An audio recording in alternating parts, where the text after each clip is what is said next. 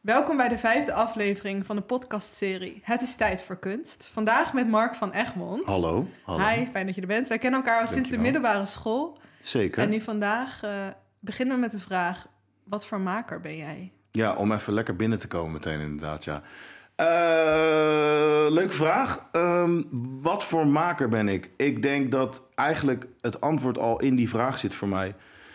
Denk dat eh, als er iets centraal in mijn leven staat, of in mijn leven als maker of als kunstenaar staat, dan is het eh, creëren. En eh, het creëren van verhalen, het creëren van eh, momenten. eh, maar in, in de regel echt wel creëren. Dus ik denk dat eh, als je aan mij vraagt wat voor maker ben ik, ben ik iemand die vooral maakt. Dus echt een doer, om het zo maar te zeggen.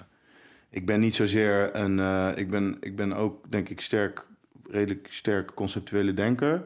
Alleen geloof ik heel erg in het feit dat je moet maken om te kunnen maken. Eh, een soort paradoxale, eh, prachtige uitspraak die ik hier doe. Mark van Egmond 2022. Maar eh, het is wel, denk ik, bij uitstek hoe ik mijn makerschap zie ook. En in welke branche of welke tak zit je eigenlijk het meest? Ik hou me het meest bezig met, met audio, met eh, het, het opnemen van verhalen. Ik eh, werk als regisseur bij Storytel. Eh, ik vertel zelf ook verhalen als verhalenverteller, als voorlezer of als voice-over voor reclames. Ehm, nou ja, het, mijn, het grote gros van mijn werk centreert zich wel echt op audio. Dus aan de ene kant dus het, het, het registreren en helpen van mensen met hun boeken. Aan de andere kant ook muziek naar andere plekken brengen. Ik heb ook samen met een, eh, met een, hele goede vriend van mij, eh, slash compagnon, zitten we in een bedrijf dat heet MB Agency. En dat is een eh, boekingskantoor wat ongeveer nou, 140 artiesten wereldwijd vertegenwoordigt. En dat gaat dus ook echt over het verhaal naar iemand toe brengen. En zo werk ik daar ook het liefste. Dus ik, ik, de, de cijfers zijn voor mij verwerpelijk in dat opzicht. Ik, heb, ik vind het veel leuk om daar ook een verhaal te kunnen delen. En daarnaast eh, werk ik ook als producent. eh, als regisseur slash producent slash regisseur. Wat eigenlijk ook inhoudt is dat je dan bezig bent om het verhaal van iemand anders dan te vertellen. Ehm, ja, dat eigenlijk. En je maakt ook nog zelf muziek. Ik maak zelf ook muziek inderdaad, ja. Dat vergeet ik altijd inderdaad. Er hangen hier zelfs een paar LP's van mij hier op de gang. Dus eh, ja, zeker, dat doe ik ook. Maar dat is mijn eigen verhaal. Dus dat is dan, dat is dan weer net anders. Ehm, maar inderdaad, ik maak ook muziek. Ik schrijf liedjes, eh, songteksten en ik maak muziek. Ik heb conservatorium gedaan, eh, de richting e-musician. En dat omvat eigenlijk alles omtrent het hele post-pre-productieproces van een, hele, van een liedje bijvoorbeeld. Of muziek voor games of eh, noem maar op. Maar zou je dan het muziek maken bijna als een soort hobby op dit moment omschrijven? Of is het toch wel meer dan een hobby en meer naast dat je natuurlijk vanuit de expertise die je hebt opgedaan werk verleent als producent, als verhalenverteller? Wat is het muziek maken vanuit jezelf als autonome maker dan in je hele carrière en je hele zijn? Nou, ik denk dat het, ik denk dat het mes aan twee kanten snijdt. Aan de ene kant is het zo dat je, eh, dat voor mij in ieder geval persoonlijk, dat het, eh, dat het zeker hobbymatig is. Vooral omdat ik heel veel plezier uit haal. Aan de andere kant is het natuurlijk ook wel een gegeven eh, dat, ik, dat ik een opleiding heb gedaan. Dus het is niet alsof ik, eh, eh, alsof ik aan het reachen ben of zo. Het is niet alsof ik niet weet wat ik doe. Ehm, wat, wat, ja, wat, wat, wat het ook soms lastig maakt om, om het zo te zien als een hobby. Ehm, dus ik denk dat dat een 50-50 verhouding voor mij is. Er zijn momenten waarop ik echt heel doelbewust dingen aan het schrijven ben... Om, om of dan wel voor mensen te maken of voor mezelf te maken. Maar er zijn ook momenten, en die koester ik echt... waarop ik eh, eh, helemaal eh, in mezelf gekeerd kan freaken op, op mijn eigen muziek... of de, de, dingen die ik wil maken. Ehm, maar dat, dat loopt bij mij door elkaar heen, denk ik. Omdat ik ook wel van die variatie daarin hou. Uiteindelijk. En op Spotify ben je wel heel veel beluisterd. Ik zag het toevallig toen je zo'n overzichtsview had. Hoeveel mensen luisteren ongeveer ook naar jouw eigen muziek? Oeh, dat is een hele goede vraag. Pak zijn telefoon. Eh, ik ga eens even kijken. ik zit nu op eh 39.000 maandelijks luisteraars. Dus dat is op zich, ja, dat is op zich best leuk. En een liedje wat 1,8 keer- 1,8 miljoen keer is beluisterd, 1,3 miljoen keer. Ja, dat is hartstikke leuk. Maar het zegt natuurlijk helemaal geen reet, hè? Dat begrijp je. Ja, dat, dat begrijp ik dus niet, want ik Nee. ken dat niet. Dus leg het eens even uit. Wat gebeurt er dan als je zoveel mensen zoveel tijd spenderen aan jouw muziek en jouw luisteren? Wat, hoe Nou, wat er gebeurt is dat mijn hart zich met eh, warmte vult. Maar eh, eh, nee, ja, ik, ik, ik weet niet. Ik, ik denk dat ik gewoon... enerzijds heb ik, heb ik een heel, heel netwerk opgebouwd eigenlijk... Waar, waar, waardoor ik eigenlijk al vrij snel op hele grote labels kon releasen als zanger. Ehm, en daarnaast weet ik ook wel, weet ik ook wel goed wat, wat, wat mijn, hoe, wat, hoe mijn stem is. En wat, wat daar bij uitstek de kwaliteiten van zijn, maar wat, ook de, wat daar ook de zwaktes van zijn. Dus ik, ik kan, ja, ik weet niet, misschien heb ik gewoon onbewust of bewust gewoon heel slim daar keuzes in gemaakt. En is dat heel snel zo gegaan. Ehm nou moet ik ook zeggen, zeker in de digitale muziek is, is het vaak wel zo dat het, het centreert zich vooral veel op online. Dus als jij een goed label vindt wat echt, wat echt een eh, ja, goede backend aan eh, support heeft, ja, dan kan het zomaar zijn dat jij binnen een jaar eh, een miljoen plays ergens vandaan tovert. En dat is, ja, dat is een beetje hoe dat nu gaat. Ehm, Maar dat ligt dus eigenlijk niet bij de maker zelf en de muziek, maar ook dus echt bij het label of die jou goed strategisch in de markt zetten. Ik denk dat het, dat het, dat het ja zeker. Het, het zijn, het- ik denk dat het ook daar weer een, eh, dat het en-en is. En je bent als maker, ben je niks zonder een goede plek om dat kwijt te kunnen, zeg maar, denk ik. Ehm, we leven inmiddels in een tijd waar elke dag komen er ongeveer, nou wat zal het zijn, worden er denk ik wel duizend of wat, zei, wat zeg ik, zes tot achtduizend liedjes op Spotify gezet. Ja, probeer daar maar eens bovenuit te komen. En als jij bijvoorbeeld een, eh, een popliedje hebt gemaakt en, en eh, je komt in een editorial eh, playlist terecht van Spotify, nou, dan kan je je geld erop zetten dat er heel veel mensen naar je gaan luisteren. En ja, als je liedje dan heel erg slecht is, dan gaan mensen niet meer luisteren. Maar als het, als het of dan wel binnen, binnen hun eh, plaatje past of zij vinden het tof, ja, dan gaan ze dat luisteren. En ik denk dat zeker een goed label daarbij kan helpen, ja. Of goede publisher in dat, eh, in dat opzicht. Ehm, en ja, zeker, je moet ook gewoon kwalitatief goede muziek maken. Maar in alle eerlijkheid hoor ik ook heel veel dingen waarvan ik denk... hoe kan dit zo populair zijn? En eh, ja, ik weet niet of jij dat weet... maar als jij een bekende rapper in Nederland bent... er zijn serverruimtes hier zo die gewoon eh, eh, 100 Spotify-abonnementen hebben... en die zetten ze 24 24-7 aan... zodat ze boven in die, spot, in die playlist komen. En dat, dat, is het, dat lijkt een grote investering... 10 of, eh, 10 ab- of 100 abonnementen van Spotify elke maand betalen... Maar de realiteit is natuurlijk, als jij daardoor in een playlist komt waar 100 miljoen mensen naar luisteren, ben je klaar. En dat, dat is, kijk, en dat is, dat is ook wel gek, denk ik. Want aan de ene kant is dat dus een soort van, biedt dat een kans voor heel veel mensen die misschien nor, normaaliter niet per se eh, op die plek kunnen komen. Maar aan de andere kant betekent ook dat er heel veel BS in die eh, muziekwereld is, zeg maar. Dat is wel wat het is dan, denk ik. Gewoon heel veel ruis en rotzooi die dan Ja. ook daarmee door de filter heen komt. Ja.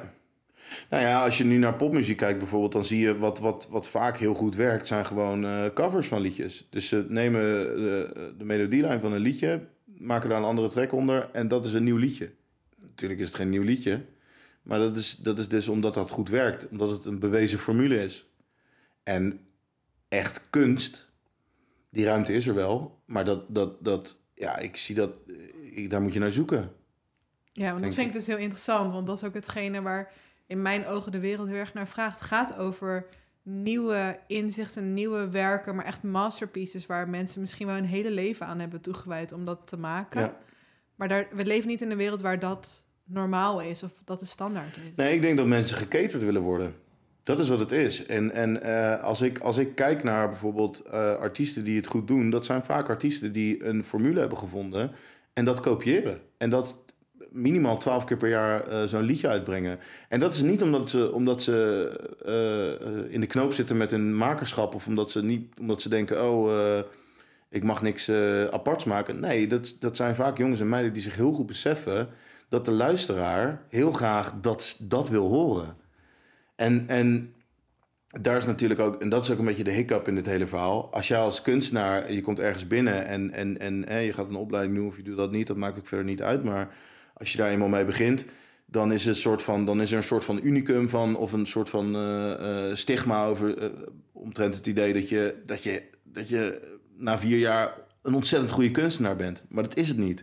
Ik denk dat een goede kunstenaar tegenwoordig, dat dat iemand is die heel goed begrijpt wat je tools zijn. Hoe de mensen daar, tenminste hoe jouw publiek daarnaar luistert. Of hoe hoe je, en hoe je ze het beste kan cateren. Want uiteindelijk is bijvoorbeeld in mijn geval, muziek is ook vrije tijdsbesteding. Dus het moet ook leuk zijn. Het, het, het, ik bedoel, ik hou, ik hou zelf van hele abstracte, absurde muziek. En uh, de meest rare dingen komen bij mij voorbij. Maar als aan mij vraagt, wat, wat hoor ik het liefste als ik ergens buiten op een terras zit?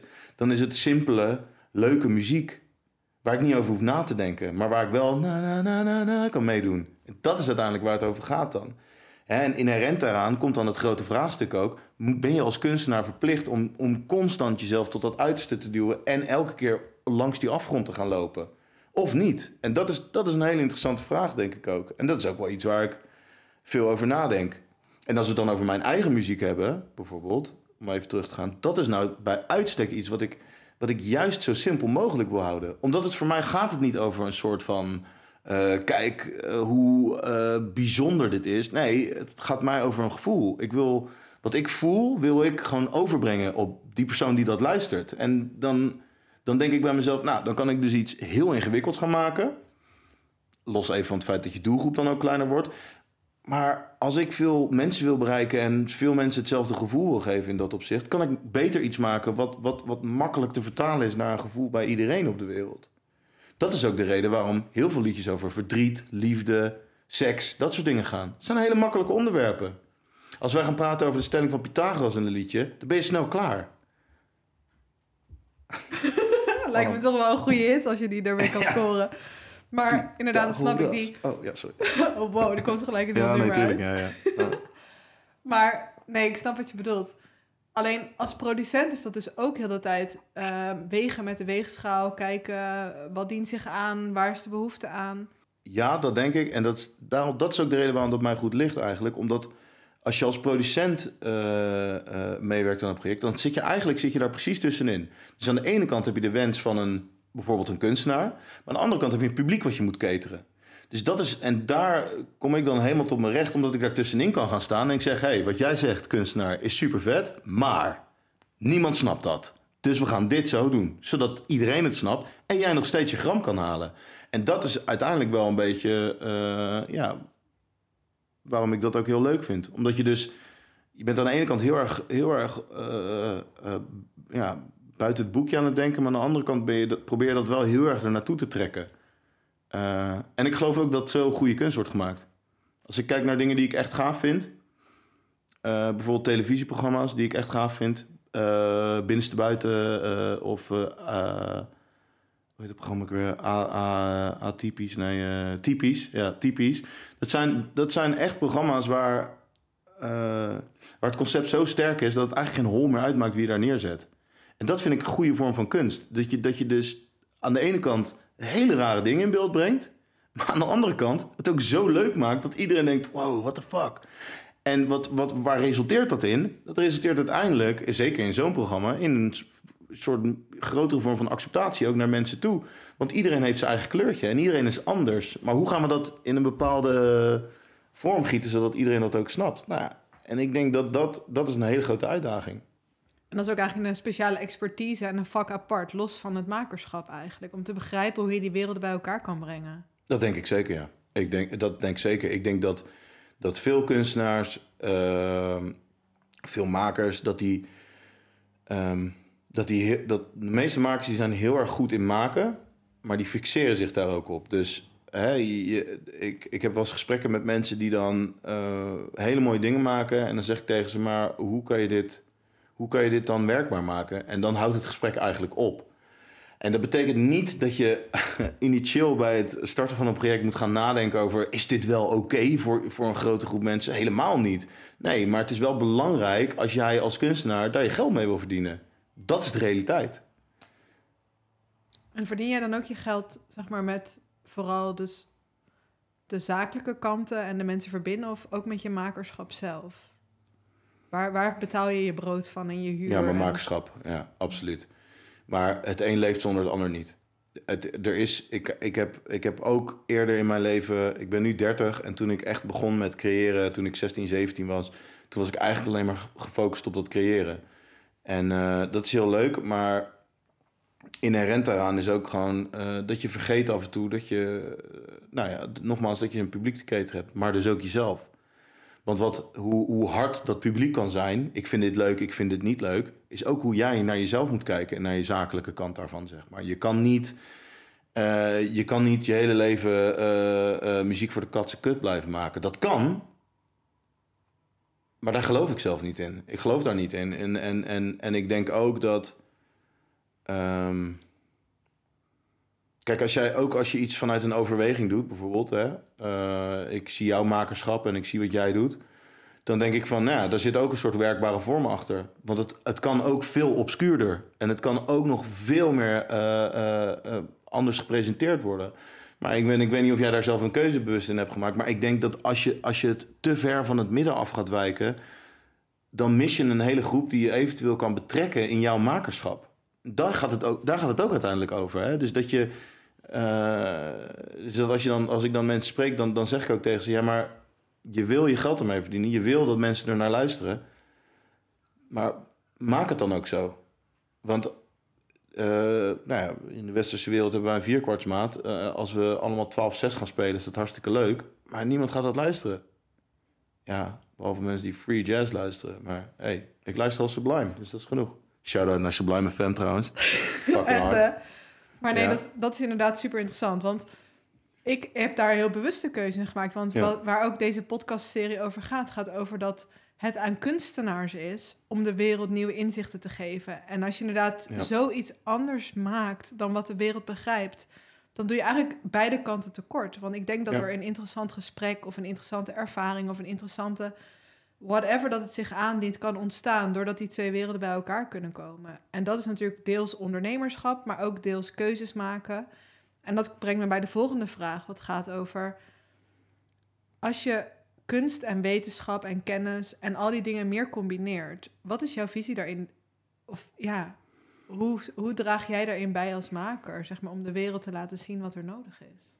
Kijk, nou ja, en dat zie ik in ieder geval zo hoor. Ik denk niet dat er nu op dit moment acuut eh, iets gaat komen als een verlichting. Of als een rom- romantische periode in deze, in deze wereld. Misschien zitten we erin en over honderd jaar zeggen ze dat. Maar ik, ik heb dat gevoel niet. Ehm, en dat is ook denk ik best wel interessant. Omdat je dus, eh, wat je dus ziet is dat er... Aan de ene kant heb je een hele grote groep mensen die dus heel graag dat cateren willen doen. Maar niet dat makerschap hebben. Wat bedoel je eigenlijk nog even specifiek met cateren, dat woord? Het- Het bedienen van mensen Ja, letterlijk dus gewoon. echt Het- ja, letterlijk. echt, echt letterlijk je, je publiek bedienen. Ja. Dus aan de ene kant heb je mensen die dus heel graag dat publiek willen eh, dienen, bijna zelfs. Maar die dat makerschap niet hebben. Dus die niet de creatieve capaciteit hebben om ook echt, echt dat, die grens op te zoeken. En aan de andere kant heb je eh, eh, mensen die heel erg juist maker zijn, maar misschien wat minder bezig zijn met, eh, met het cateren of bedienen van die mensen.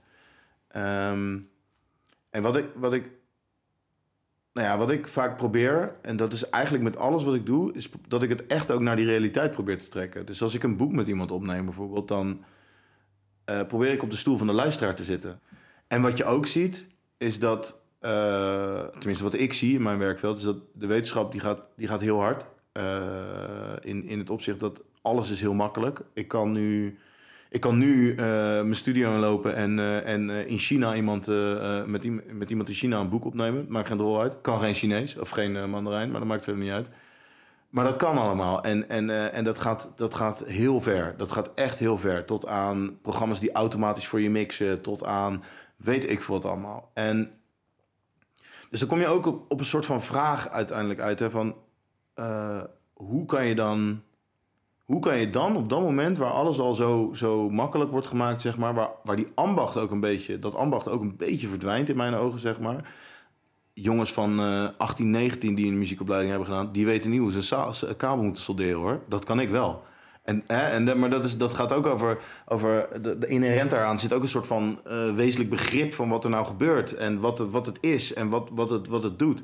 Eh, want muziek is niks meer dan lucht dat trilt. Dus ja, nee maar, dat nee, dat is wel interessant. En, en, en ik denk dan bij mezelf van ja. ehm, aan de ene kant is dat dus heel mooi dat je dat hebt. Maar het is, het is ook een soort van gevaar. Want het wordt zo makkelijk gemaakt dat ook, dat ook een luisteraar tegenwoordig liever iets heeft wat in mijn ogen niet goed is. Of kwalitatief niet goed is, zeg maar. Hè, waar je gewoon hoort dat het allemaal eh, eh, eh, gestolen dingen zijn die in elkaar worden gezet. En aan de andere kant eh, moet er toch wel een soort van eh, eh, ja, bijna dwingende kracht achter je makerschap zitten. Wil je zeg maar ook die grens op kunnen zoeken. Dus dat is wel lastig. Ehm, en ik probeer dat dan te doen door het letterlijk naar de realiteit te trekken elke keer. Dus als ik een boek opneem, in de stoel van de luisteraar te zitten. maar ook heel bewust muziek te maken. Dus ik maak muziek omdat ik het leuk vind. Maar als ik er serieus wat mee wil doen, dan ga ik er ook serieus naar luisteren. Ehm, ja. Kijk, ik denk dat die. Ik denk dat. Ik denk vooral dat, dat. Wat ik eigenlijk wil zeggen misschien is dat al die dingen die helpen heel erg mee. Maar de kern blijft toch wel gewoon kunst. En, en ehm, het wordt wel steeds lastiger om, om dat goed te zien ook, zeg maar. Met een, met een clear vision om echt goed te kunnen onderscheiden van... oké, wat is nou wat is nou goed of wat is nou minder goed? Hè? En dat is natuurlijk voor een groot deel subjectief. Maar we kunnen het er allemaal over eens zijn dat sommige dingen minder goed zijn dan andere dingen. Ehm, ja, dat is wel interessant.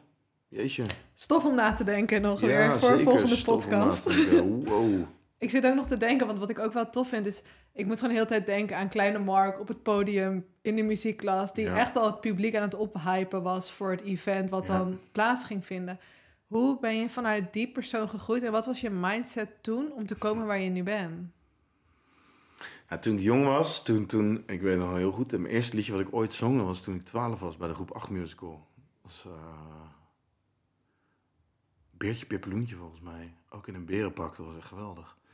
Ehm, en daar, daar, toen eigenlijk toen al wist ik dat ik, dat ik het mensen naar de zin wil maken. En dat, is, dat heeft ook wel heel lang centraal in mijn leven gestaan. Eh, op een gegeven moment ging ik MC'en en kwam ik op eh, verschillende podia terecht door Europa heen. En ook daar wilde ik vooral het naar, ook zelf naar mijn zin hebben, maar ook zorgen dat de mensen het naar hun zin hadden. Ehm, op een goed moment dacht ik wel van, hey, eh, ik ben aan het maken en ik ben veel aan het doen. Alleen, ja, zat ik ook gewoon wel met een, met een, met een soort van eh, ambitie die, die mij uiteindelijk eh even die gate eruit gezet. Ik hoor het, ja. dat, eh, dat is wel irritant hè, van audio-engineer zijn. Dat je ook alles hoort. Ik zit hier met een koptelefoon op en ik hoor alles wat Roos doet. Ehm, maar nee, nee. En op een gegeven moment dacht ik wel bij mezelf van... joh, nou nee, dat is eigenlijk wel grappig. Want dat, ik denk dat het punt pas later is gekomen. Ik denk dat, dat, dat, dat echt dat die ommekeer is gekomen toen ik 23, 24 was. Toen begon ik dus met eh, Alexander, Alexander Witsche eh, en twee andere vrienden, Wesley Langeveld en Philippe Ayunagani, begonnen we een boekingskantoor in Nederland. En dat spitste zich vooral op jonge, talentvolle artiesten. En onze, ons mission statement was daar... eh, we push the things we love in any direction without any obligation. Wat dus in feite gewoon inhoudt... als we je vet vinden, dan vechten we voor je in elke richting. Het maakt ons geen reet uit waarheen. En dit deden we omdat wij heel veel mensen zagen in Nederland... Waar, eh, die heel veel talent hadden, maar geen representatie hadden whatsoever. En toen is ook wel een knop in mij omgegaan. Toen dacht ik ook, shit... Eh, toen ging ik het ook duidelijker zien, zeker in de muziekwereld, weet je. Je hebt een markt en daar plaats je mensen in en je kan ze daar gewoon neerzetten. Je kan ze daar verkopen op die plekken. Eh, dus je komt in een soort rare wereld voor mij als maker terecht... waar je naar Spotify stats gaat kijken en je gaat... oh, in Moskou word je, heb je 10.000 luisteraars. Nou, dan kunnen we even kijken of we daar iemand kunnen aanspreken. Nou, en dan, dan merk je dus dat, dat dat werkt. En dus als je dus ook... Dus, en toen kwam, viel dat kwartje van... hey, shit, als ik over mijn makerschap concreet ga nadenken en structureel... dan kan ik daar ook echt iets mee doen.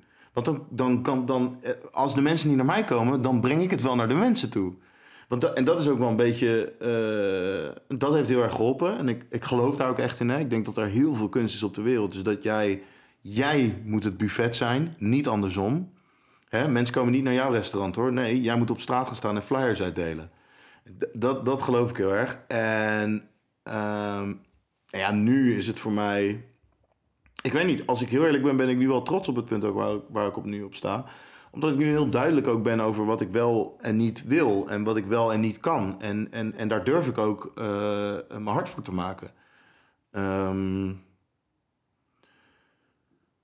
maar het is wel, het is wel, ja, ik denk dat het, het is een, een ontzettend grote leercurve. En die, en die blijft, die blijft gewoon. Ehm, Maar de grootste fout die je kan maken als maker, denk ik, is dat je eh, bij jezelf denkt: ik ga maken, ik ga het online zetten en het gaat vanzelf. Dat is gewoon niet hoe het werkt. Dat is gewoon de, de realiteit. Dan, ga je, dan, dan leef je in een onrealistische wereld. Ehm, en, dat, en dat is natuurlijk. Dat is ook wel gek, hè? Want kijk, als je naar het verleden kijkt, zeg maar, zeker ook bijvoorbeeld in de muziekindustrie.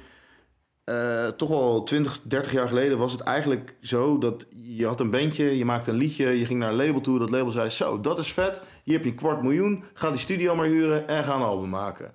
En tegenwoordig wordt er van jou verwacht als, als, als rockster, DJ zeg maar, dat je en aan de productiekant zit en een goede live show kan geven en eh, een, eh, een social media mogul bent en je moet ook nog eh, je publiek shirtjes laten kopen en ze moeten geen cd'tjes meer kopen, maar moeten alles gaan streamen. Oh, daarnaast moet je ook nog lessen geven over je producties die je doet. Oh, moet je ook nog sample packs gaan maken. Je moet ook nog, weet ik veel wat allemaal. En de grootste vergissing die je kan maken is dat je eh, dat je het of allemaal laat en alleen maar gaat creëren, of dat je denkt dat je het allemaal zelf kan. En dat, dat is gewoon niet zo. En, en eh, ik denk ook dat als je een goede artiest bent, of een goede maker bent, dat je je ook heel, dus heel bewust bent van wat je doet en, en wat je maakt. Dus ik weet bijvoorbeeld ehm, dat ik sterker ben in, in, in, eh, in, in, in communicatie. Ik weet dat ik minder sterk ben in. eh Jeetje, nou, moet ik even diep graven hoor. Nee, eh, nee, nee, maar ik weet dat ik bijvoorbeeld minder sterk ben in, in, in, eh, eh, in projecten die mij niet, niet, niet echt aangaan of waar ik geen affiniteit mee heb. Dan weet ik dat ik snel mijn aandacht ga verliezen. Nou, ik weet ook dat als ik, als ik meer werk als producent wil hebben, dat ik dat zelf moet gaan regelen. Het is echt niet alsof ik mijn LinkedIn open en dat, iemand, eh, dat ik tien berichten kan lezen met... Hey Mark, vet, je bent regisseur, zag ik. Nou, zal, eh, zal ik jou een geweldige aanbieding doen van een ton eh, per jaar? Nee, zo werkt het helaas niet. En Hoe werkt het dan wel? nou ja, je moet gewoon actief acquisitie doen. Je moet gewoon mensen aanspreken. Je moet je voet tussen die deur gaan steken. Dat is uiteindelijk wel wat, wat ik denk dat je moet doen. Ehm, ja, je ziet toch... En, en, en dat, is, dat is een soort van... Ja, maar dat is ook een soort van gek. Want en is- ik weet niet of dat, of dat... Het klinkt bijna paradoxaal hè, voor, sommige, voor sommige kunstenaars. Dat je dus een soort van commercieel jasje aan moet doen... om jouw eh, eh, innig tedere en, eh, en inte, integere kunst te verkopen. Maar ik bedoel, als je het verhaal niet kan... hè, als, als, als jij je verhaal niet kan vertellen, waarom maak je het dan? Als jij, als jij een serieuze maker bent, dan, dan... Ik bedoel, iedereen zegt altijd, we maken voor onszelf. Dat is gelul. Je maakt niet voor jezelf. Dat is gewoon gelul. Want als je het voor jezelf zou maken, dan zou je het in je tuin neerzetten... en dan zou ook nog een dikke heg omheen staan. Maar dat is gewoon niet zo. Dus als jij maker wil zijn, dan moet je je heel erg bewust zijn van het feit... dat je dus ook daarvoor moet vechten. Je moet vechten voor je plek. Zeker in een wereld waar al zoveel kunst is. Ga er maar eens bovenuit proberen te steken. Ja, en dat is dus... En dat, ja, ik denk, ja, ik denk dus dat dat ook... eh, ja, dat is, dat is heel belangrijk. Zeker als je... Als je dit wil blijven doen, denk ik. En als je dan zegt van, oh ja, vroeger dan kreeg je zo'n, vanuit een label kreeg je dan een kwart miljoen, ga maar de studio in. Hoe zit dat financieel gezien dan nu eigenlijk? Hoe kan je de investering doen om ook mooie dingen te maken van een bepaalde kwaliteit? Hoe, hoe, hoe regelt zich dat in de wereld of wat zie je om je heen dat er gebeurt? Of waar ben je fan van? Nou, het begint met goede muziek, bijvoorbeeld, in mijn geval. Dat is, dat is het allereerste. Maar je maakt dus al eerst de muziek voordat je eigenlijk gaat beginnen aan het in de wereld zetten. Ja, absoluut. Er moet, er moet, de, je moet output hebben voordat je überhaupt, eh, denk ik. Ik bedoel. En dat geef doe je in een je ring tijd. en het is nog steeds een lelijk ding. Ik bedoel, dat is zo hoe het is. Als jij, als jij eh, eh, je kan een heel mooi verhaal hebben, maar als jij niet levert, ja, daar houdt het ook op. Maar dus de kunstenaar doet eigenlijk wel echt eerst een eigen investering in het maken. En dan vanuit daaruit kan het Ja. gelift worden. Altijd. Vaak wel, ja. Wat je nu vaak ziet, is dat je 360 graden deals hebt. Dus dat betekent dus dat wij, als jij het label bent en ik ben de artiest, dat we allebei meedoen. Dus eh, nou, laten we zeggen, we gaan promotie doen. We gaan, eh, we gaan eh, kunst voor, voor, voor, je, voor je cd laten maken, weet ik wat allemaal. Kost 1500 euro. Ik draag daar 750 van en jij ook. En, dat, en, en dan, dan spreek je af van, oké, nou, dit percentage nadat we die kosten eruit hebben gehaald is voor mij, dit is voor jou. Ja, maar ook daarin, waar labels vroeger echt een, eh, een, een eindstation waren, zijn dat vaak nu de beginstationen. Dus is, is dat vaak nu het beginstation. Dus, je, dus je, wat je veel nu ziet is dat. ehm, het is niet meer zo dat jij als maker uniek bent. hè, als ik kijk naar een gemiddeld uh, drum bass label bijvoorbeeld, of whatever label, die willen gewoon een liedje wat scoort. En maakt ze geen reet uit of jij uh, Roos of Mark heet. Interesseert ze geen reet. Het interesseert ze wel of het verhaal goed is en of de muziek goed is. En daarnaast resulteert dat dus ook in een situatie waarin een label jou niet, jou niet meer op een voetstuk zet, maar waarop de artiest een label op een voetstuk gaat zetten. Dus wat je nu veel hoort, ik wil echt graag daar releasen. Terwijl dat eigenlijk fucked up is als je erover nadenkt. Want het gaat niet over dat label, het gaat over wat jij maakt. En dat is een soort van rare. Ja, maar dat is heel gek als je daarover nadenkt. Want het gaat over de kunst. Het gaat niet over eh, dat label. En dat is, dat is een soort van gek. Weet je, als je, als je dat ziet. Je ziet ook grote labels, Sony, Universal, die hebben allemaal Instagram en weet ik wat allemaal. Ik bedoel, wij hebben dat ook met onze agency. En dat, is, dat, is, dat, dat heeft alleen maar het idee daarachter, dit is ons beeldmerk, dit is wat zijn, kijk hoe cool we zijn. En dat, dat, is, dat is hartstikke mooi. Maar als jij als maker jezelf nog gewoon een beetje wil waarderen, nou, dan, moet je, dan moet je gewoon iets maken en kijken wat past daar het beste bij om mijn publiek te zoeken. Dus het is ook een hele, heel soort, soort rare gedachte om, hè, dat zie je heel veel nu. Ik vind dat een soort rare gedachte dat je dus als maker eh, tegen jezelf moet zeggen: ik ga een liedje maken voor dat label. Dat gaat het helemaal mis. Dat is net alsof je een bakkerij begint en zegt: ja, ik, ik, ik maak wit brood, dat vinden mensen in de wijk hier lekker. En iedereen die van bruin brood houdt, die kan de tering krijgen. Bij wijze van. Maar het is ook niet heel erg natuurlijk, als je natuurlijk heel graag wit brood wil maken ook. Maar de vraag is natuurlijk in hoeverre wil je als maker dan maken en in hoeverre wil je dan beroemd, zeg maar, en het snelle van de... Ja, maar ik vind dat altijd een lastig woord, beroemd, zeg maar. Of veel... Kijk, voor mij gaat het niet zozeer over, over naamsbekendheid of heel veel luisteraars. Kijk, als jij een maker bent en je wil blijven maken, dan moet je daarvan rond kunnen komen. Dat is, dat is de realiteit. En hoe je dat ook doet, ik denk dat, ik denk dat je beter af bent als je, als je uh, dicht bij jezelf blijft en iets maakt wat van jou is dan dat je dingen gaat maken voor andere mensen, bewijs van. En dat is een beetje paradoxaal wat ik nu zeg, want ik, ik zeg net, je maakt nooit voor jezelf, maar voor altijd voor andere mensen. Maar voor jouw carrière, dat, is, dat zie ik wel los van, van elkaar, zeg maar. Ik ben niet, ik ben, ik ben Mark, maar ik ben, en ik maak muziek, maar die muziek is niet per se mij of zo, zeg maar. Dus dat is ook een, omdat daar toch een soort van stuk tussen zit, waarin ik ook me heel erg bewust ben van het feit dat ik dat ik dat wel bij mensen wil brengen. Dus, hè, dus, dus... Dat waar we het eerder over hadden, inderdaad, dat die twee werelden elkaar moeten kruisen. Dus ja. een geven en nemen heel de tijd, ja. inderdaad. Maar je moet eigenlijk beginnen met geven vanuit dat je weet wie je zelf bent en wat jij wil maken als maker, als ik het zo even kan. Zeker, ik denk dat dat een van de belangrijkste dingen is. Ik denk dat, dat heel veel makers erbij gebaat zouden zijn als ze eens een, een half jaar stoppen met maken en een half jaar gaan nadenken over wat ze nou maken en wie ze zijn en hoe je dat, en hoe je dat bent. En wat is het verhaal? Dat is eigenlijk, is dat, zou je dat ook als de wijste les zeg maar, meegeven voor de luisteraars die, die ook in de muziekindustrie willen? Of wat, ja, wat zou je meegeven als gouden tip? Of... Nou, wat ik, wat ik vooral, wat ik vooral, nou, wat ik veel zie en wat ik vooral zou willen meegeven aan mensen die bijvoorbeeld muziek maken, is dat even sowieso het denk goed na over wie je bent, wat je maakt en wat je verhaal daar ook bij is. Want besef je heel erg goed en ik noem het nog één keer. Vrije tijd. Het is vrije tijdsbesteding. Muziek. Je gaat het niet... Ik bedoel, als je het op je werk luistert, is het hartstikke leuk. Maar dan is het vaak commerciële muziek. De radio. Dan moet je dat gaan maken. Maar als jij uh, uh, goed op een rijtje hebt wie je bent, wat je bent en, en, en, en, en wat je maakt... Nou, dan, kan je daar, dan, dan zou ik je vooral adviseren om structureel en gestructureerd daarover na te denken. Maak een planning daarover. Maak een planning voor wie je, wat, je, wat, wat je output is. Maak een planning over wat je zegt. Denk na over jouw wereld. Want uiteindelijk wil je als maker een wereld creëren waarin jouw fans, luisteraars, zichzelf kunnen verliezen. Toch, Minky? Precies.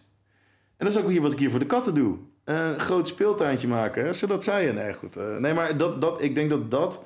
Dat is zeker een van de belangrijkste dingen die ik kan meegeven. Dus denk denk heel bewust na over wat je doet en, en hoe je dat doet.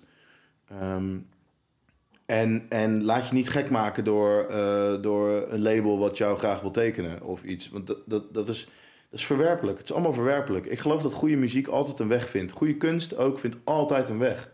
Mits je daarover nadenkt. Uh, als je dat niet doet, ja, dan, dan ja. We hadden het ook nog eh, in ons voorgesprek heel mooi over doorzettingsvermogen. En ik denk dat het da- dat een goede richting is om nog even mee af te sluiten. Want wat, wat betekent doorzettingsvermogen voor jou? Of hoe heb je dat zelf toegepast? Ja, nou, eh, doorzettingsvermogen is vooral... eh, nou, wat is, dat is een leuke vraag. Wat het voor mij vooral is, is durven, durven vallen. Heel veel durven vallen. Hou je mond eens even, joh. Wat doorzettingsvermogen... voor- Wat... Leuke vraag. Wat doorzettingsvermogen voor mij betekent. Nou, vooral eh, het leren en durven vallen. En ik ben wel echt tot de realisatie gekomen dat je, dat je beter honderd keer kan vallen... dan je tien keer onzeker voelen over je kunst. Dus, en daar bedoel ik eigenlijk mee dat het zoveel belangrijker is om een soort van eh, bezieling ook in je makerschap te vinden. Dus te zeggen tegen jezelf, ik maak en eh, ik ben me er hoog van bewust dat, of ik ben me er absoluut van bewust dat sommige mensen dat vet vinden en sommige mensen niet vet vinden. Maar wat het belangrijke is, is dat je dat, die bal in jouw park houdt. Dus ehm, laat, je niet, laat je niet opnaaien door mensen. Laat je niet, laat je niet voor de gek houden door mensen. Maar denk gewoon vooral goed na over ehm, ja, wie je bent en, en blijf daar ook trouw aan. Want dat geeft jou ook de energie om, om, om elke keer eh, weer door te zetten en, en er weer over na te denken. En we doen elke keer de afsluiter met de cheesy one-liner die je als favoriet gebruikt. Of die toch elke keer weer terugkomt. Wat is dat voor jou? Zo. Nou, ik zeg heel vaak. Er is wel één ding wat ik vaak zeg. En dat is als mensen vragen wat ik doe, dan zeg ik: ik maak, ik maak mooie dingen voor lelijke mensen. En dat is eigenlijk. Dat is eigenlijk eh, nou eh, sorry, wereld. Ik vind jullie niet allemaal lelijk. Maar wat ik daar eigenlijk mee bedoel is dat ik. eh, ik probeer dingen te maken die, die eh, lelijke, lelijke plekken, lelijke situaties mooier kunnen maken. Dus, en ik denk ook dat dat bij uitstek dat kunst dat iets moet zijn. Als ik, naar, als ik naar een museum ga, dan wil ik eigenlijk het liefste oordoppen in en, en, en niet meer hoeven nadenken. Maar me compleet laten meezuigen door wat daar is. Ik denk dat muziek ook zo moet zijn. Dat dat ook zo moet zijn. En eh, hoe mooier dat is, hoe dieper het iemand raakt uiteindelijk. En nou ja, dat is, dat is voor mij wel, eh, ja. Als ik dat kan doen in mijn leven, kan ik ook vredig sterven. Dat is echt wel, eh, dat is voor mij echt wel iets wat ik, ja, dat, dat is, het zou het allermooiste gift kunnen zijn wat ik kan geven aan deze wereld. En waar kunnen wij al deze mooie dingen dan vinden online onder welke naam? Of is het allemaal geheim nog? Allemaal geheim. Nee. Eh, je, kan, je kan mijn eh, liedjes eh, op Spotify onder MVI vinden. Mark van Egmond. Oh shit, dat is mijn hele naam. Nou, nee, eh, onder MVI. Eh, ja, dat is het eigenlijk wel. Ja, Ja. laten we dan iedereen daar naar sturen. Hup. Iedereen lekker daar. Een paar miljoen luisteraars. Ja, ja Dankjewel, darling, voor echt. Het was een waar genoegen, super inspirerend. jij bedankt. Leuk. En eh, keep up the good work en maak de wereld alsjeblieft wat mooier. Jij ook. Dankjewel.